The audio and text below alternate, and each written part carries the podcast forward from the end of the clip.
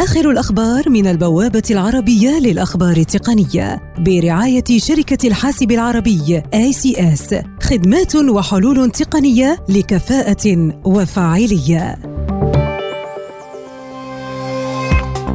جوجل تعلن إطلاق منصة الألعاب الجديدة ستيديا التي توفر وصولا فوريا لألعاب الفيديو على أي نوع من الشاشة وتهدف لتوفير الألعاب بدقة عالية. شركة Rovio تطلق لعبة جديدة من ألعاب الطيور الغاضبة باسم Angry Birds Isle of Pigs قائمة على تقنية الواقع المعزز HP تعلن عن نظارة Reverb أحدث نظارات Windows Mixed Reality مع توقعات بأن تحدث نقلة في سوق الواقع الافتراضي كونها تتميز بكثافة عالية في الدقة ومجال رؤية كبير وتصميم مرن. خدمة بث الفيديو المهيمنة عالميا Netflix تؤكد عدم انضمامها إلى خدمة الفيديو القادمة من Apple سعيا في تفرد خدمتها بأفلامها والمحتوى الخاص بها.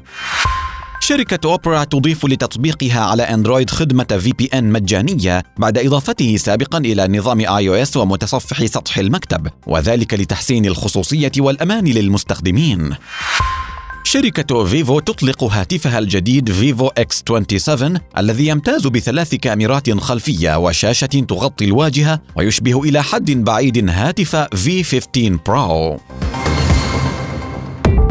آخر الأخبار من البوابة العربية للأخبار التقنية برعاية شركة الحاسب العربي ACS خدمات وحلول تقنية لكفاءة وفاعلية لمزيد من تفاصيل هذه الأخبار وأخبار عديدة يمكنكم زيارة موقع البوابة على شبكة الإنترنت aitnews.com